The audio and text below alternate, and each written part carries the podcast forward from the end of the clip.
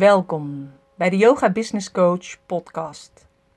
Vandaag wil ik het met je hebben over winst.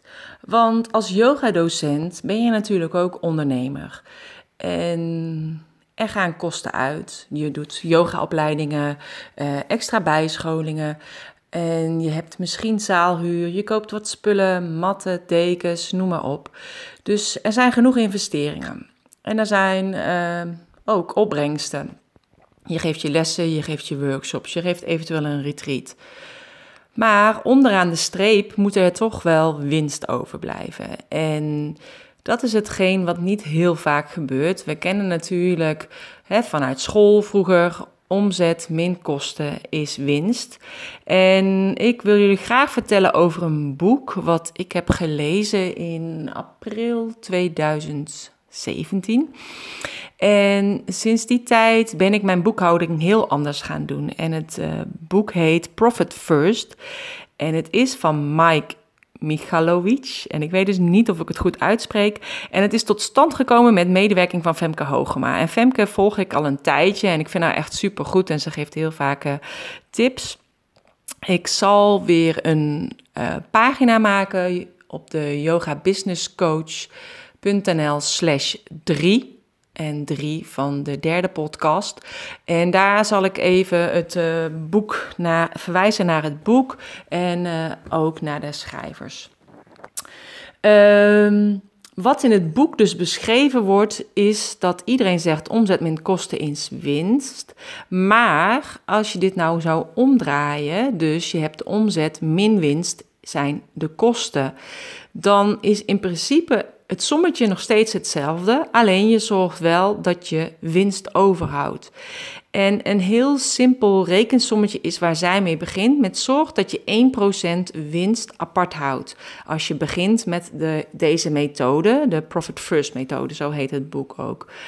Uh, want stel je hebt 100 euro omzet, dan heb je 1%, is dus 1 euro winst. En je redt het ook met 99 euro. Of je dan 100 hebt of 99, dat maakt niet uit. Maar stel als je nou 1000 euro omzet hebt, dan heb je dus 10 euro winst en red je het ook met 990 euro. En stel als je nou 10.000 euro omzet hebt, dan is 1% 100 euro winst en red je het ook met 9900 euro. Dus zij zeggen: neem eerst die winst en ga dan pas die kosten betalen. Want anders blijft er niets meer over van de winst. Dan heb jij in ieder geval winst. Uh, en dat kunnen heel veel grote bedrijven niet, zeggen, niet zeggen.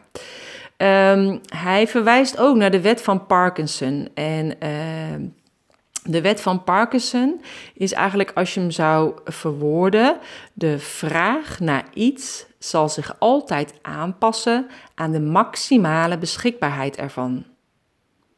Dus de wet van Parkinson is: de vraag naar iets zal zich altijd aanpassen aan de maximale beschikbaarheid ervan.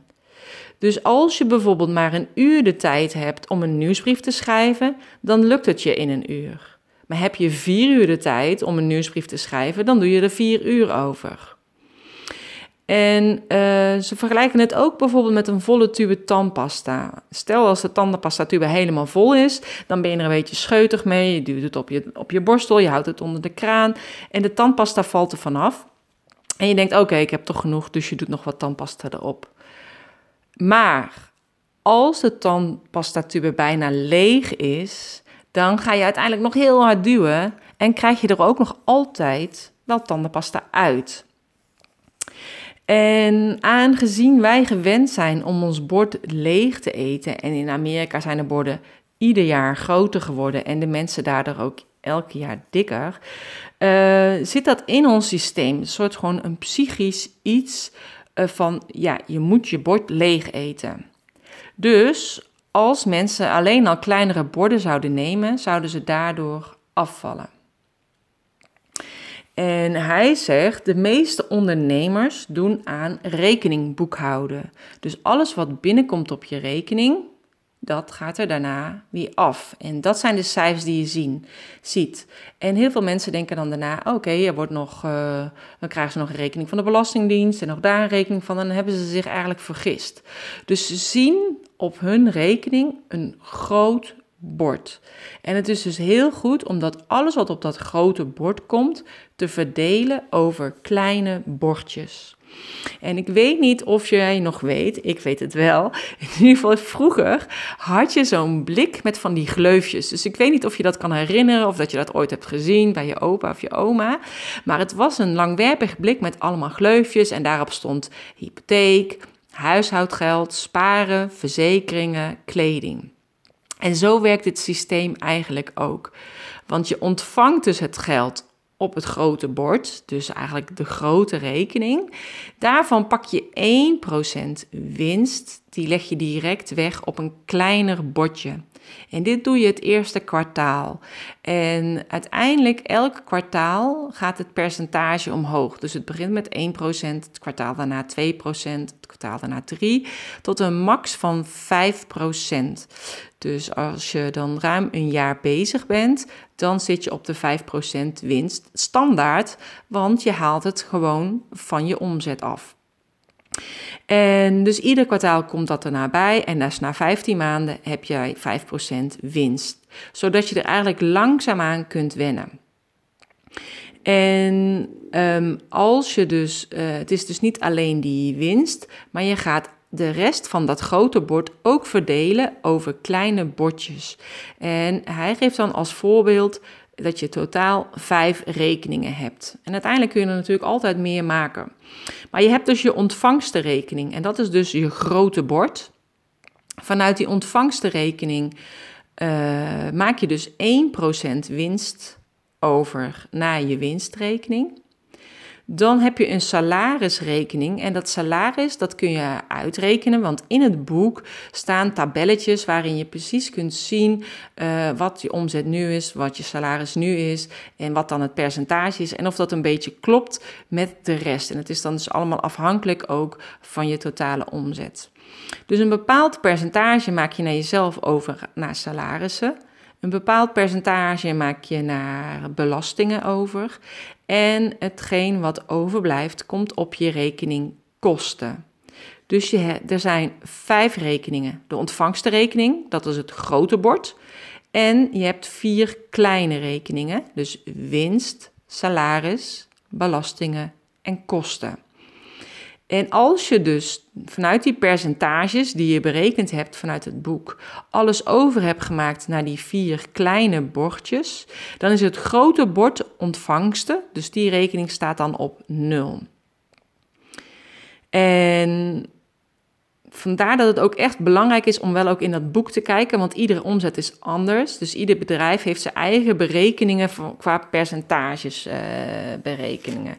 En zelfs als je bijvoorbeeld schulden zou hebben, dan nog, zegt hij, is het goed om winst apart te leggen. En daar heeft hij dan een apart hoofdstuk over gemaakt en dan heeft hij een ander stuk over geschreven. Dus de bedoeling is dat je eerst die winst wegzet en aan het einde van dat kwartaal uitkeert aan jezelf. En het maakt dus niet uit of dit geld is om een ijsje te kopen, of dat het geld is om uit eten te gaan, of om iets leuks te doen. Het gaat erom dat je iets gaat doen met dat geld, waardoor je denkt: yes, dit was mijn winst. Zodat het eigenlijk, uh, omdat je heel vaak, kijk bij die boekhouders die zeggen dan, of de accountants, ja, je hebt zoveel. Uh, winst gemaakt afgelopen jaar. Maar dat, dat bedrag zie je nooit terug op je rekening. Het is natuurlijk een papieren winst. En het is heel fijn als die winst echt uitgekeerd kan worden aan jezelf, als een soort van extraatje en dat je daar iets leuks mee gaat doen, hoe klein of groot dan ook. Um, nou, als je dus dat geld allemaal van die grote rekening hebt gehaald en verdeeld hebt over die kleine bordjes, dan zie je ook precies wat je hebt staan en wat er dan dus op die kostenrekening staat. Want normaal gesproken zou er bijvoorbeeld op de ontvangstrekening 1000 euro staan. En nu staat er bijvoorbeeld op de kostenrekening 600 euro. Want die 400 euro is bijvoorbeeld in percentages naar die andere uh, mapjes gegaan, naar de andere rekeningen gegaan. Zodat je in principe dus ook minder uitgeeft dan dat je in eerste instantie zou doen. Dus je bent er zuiniger mee. Dus vergelijkbaar met de grote tube tandpasta is die 1000 en nu is de tube tandpasta bijna leeg en heb je bijvoorbeeld 600. Het is dus gewoon een kleiner bedrag geworden dan wat er op je ontvangstrekening stond. En het is niet de bedoeling dat je geld terug gaat halen van de andere rekeningen. Dus probeer altijd om een oplossing te bedenken. Dus probeer echt ook van die andere rekeningen af te blijven, zodat je alleen maar kijkt naar jouw kostenrekening. Wat kan ik nu uitgeven? En zo voorkom je eigenlijk onnodige uitgaven en zal je bedrijf gezonder worden en ook dus financieel gezonder worden. Dus het belangrijkste uh, vanuit het boek is het schuiven van een groot bord naar kleine bordjes, want dat geeft je veel meer overzicht en dus ook veel meer rust. En je verdeelt het geld elke keer weer in een vaste volgorde, en, zodat je denkt: oké, ik ga dus eerst naar de winst, salaris, belastingen en kosten. En als de verleiding is, zorg dan dat het lastig wordt om dat geld van die winstrekening af te halen. Dus je zou ook eventueel nog een winstrekening kunnen openen op een andere bank, zodat je die niet eens ziet, zodat je daar elke keer het geld naartoe sluist. En dat je dan na drie maanden kijkt, oké, ik haal het nu terug. En dat je denkt, oh wauw, het was best wel een groot bedrag geworden, want je ziet het niet groeien. En zorg dat er ritme komt in je boekhouding. En uh, het advies wat hij geeft is om uh, bijvoorbeeld elke tiende en elke 25ste van de maand te gaan zitten, te gaan kijken wat is er binnengekomen en dat te gaan verschuiven. En het is dus heel lastig. Ik had zelf gekeken bij de bank waar ik dat het beste kon doen. Maar voor elke uh, rekening moet je betalen. Voor elke transactie onderling, van onderlinge rekeningnummers moet je ook betalen. En in het boek adviseren ze dan ook de Knapbank. En de Knapbank uh, is ook een van de beste van, voor zelfstandige ondernemers. En... Um, je kunt daar zoveel rekeningnummers nemen als je wil en je kan intern zoveel overboeken als je wil. Dus wat dat betreft maakt het niks uit. Um, je kunt zelfs de rekeningnummers een naam geven, zodat het heel erg makkelijk is. En je kunt kijken, oké, ik wil dit bedrag overmaken naar de winst. En dan typ je gewoon in winst en dan selecteert hij dat uh, rekeningnummer. Dus je weet niet eens wat je eigen rekeningnummer uh, is. Dus dat is eigenlijk wel handig. Um, ik werk dus eigenlijk sinds vorig jaar april ermee en ik vond het echt heel erg fijn. Het geeft veel meer inzicht ook in mijn inkomsten, in mijn uitgaven. Uh, omdat, ja, normaal gesproken als ik dat overzicht ook zag van de boekhouder, dan uh, ja, heeft hij toch bepaalde posten en snapte ik het niet. En zei hij inderdaad, ja, je hebt winst gemaakt, maar dan dacht ik, ja, waar is die winst? En nu heb ik gewoon die winst en is het voor mij ook meer tastbaarder. Um, dus ik vind het zelf heel erg prettig. Ook heeft hij in zijn boek nog tips hoe je op een andere manier kunt kijken naar je bedrijf en hoe je meer resultaat kunt behalen, bijvoorbeeld door minder inspanning. En als voorbeeld eh, geeft hij die UPS. En dat zijn die bruine busjes die uh, rondrijden, net als de DHL en andere pakketbezorgers. Maar die bruine busjes, ze hebben een speciale sleutel, de UPS-sleutel. En um, die hangen ze op een of andere manier aan hun pink. En zodat ze heel snel, als ze met hun hand schudden, eigenlijk die sleutel direct in hun hand hebben. En daardoor scheelt het 5 tot 10 seconden voordat ze hun sleutel hebben gevonden als ze een pakketje hebben bezorgd. Want normaal gesproken bezorgen ze een pakketje, zoeken ze hun sleutel en gaan ze weer in de auto om te gaan rijden. En 5 tot 10 seconden lijkt natuurlijk niet veel, maar als je al bedenkt dat een bezorger snel 50 pakjes per dag bezorgt en dat er heel veel chauffeurs zijn, en natuurlijk niet alleen in Amerika, maar in gewoon de hele wereld. En wat zij ook hebben, is zeg maar dat ze rechts gaan rijden. Omdat je in Amerika, als je links afslaat, dan moet je altijd wachten voor de stoplichten. En moet je een hele grote bocht maken. Dus de planners plannen zo dat een chauffeur altijd rechts afslaat, zodat hij eigenlijk altijd door kan rijden. Plus, ze wassen de auto's om de dag. En dat scheelt dus ook heel veel water. En uh, de auto's zijn bruin, dus je ziet het toch niet uh, snel als ze vies zijn. Dus door eigenlijk minder inspanning hebben ze meer resultaat. En dat vond ik eigenlijk wel heel erg goed. En ik denk van het is goed om voor jezelf ook te bekijken hoe zou ik dit kunnen doen in mijn bedrijf? Hoe zou ik minder inspanning kunnen leveren, maar wel meer resultaat kunnen opleveren? En ik weet dat er bijvoorbeeld ook masseurs zijn die een bepaalde massage geven. Maar soms vinden mensen het heel fijn om bijvoorbeeld langer te blijven liggen. Als de massage klaar is, dat ze nog een kwartiertje een soort van uh, lekker kunnen uitslapen.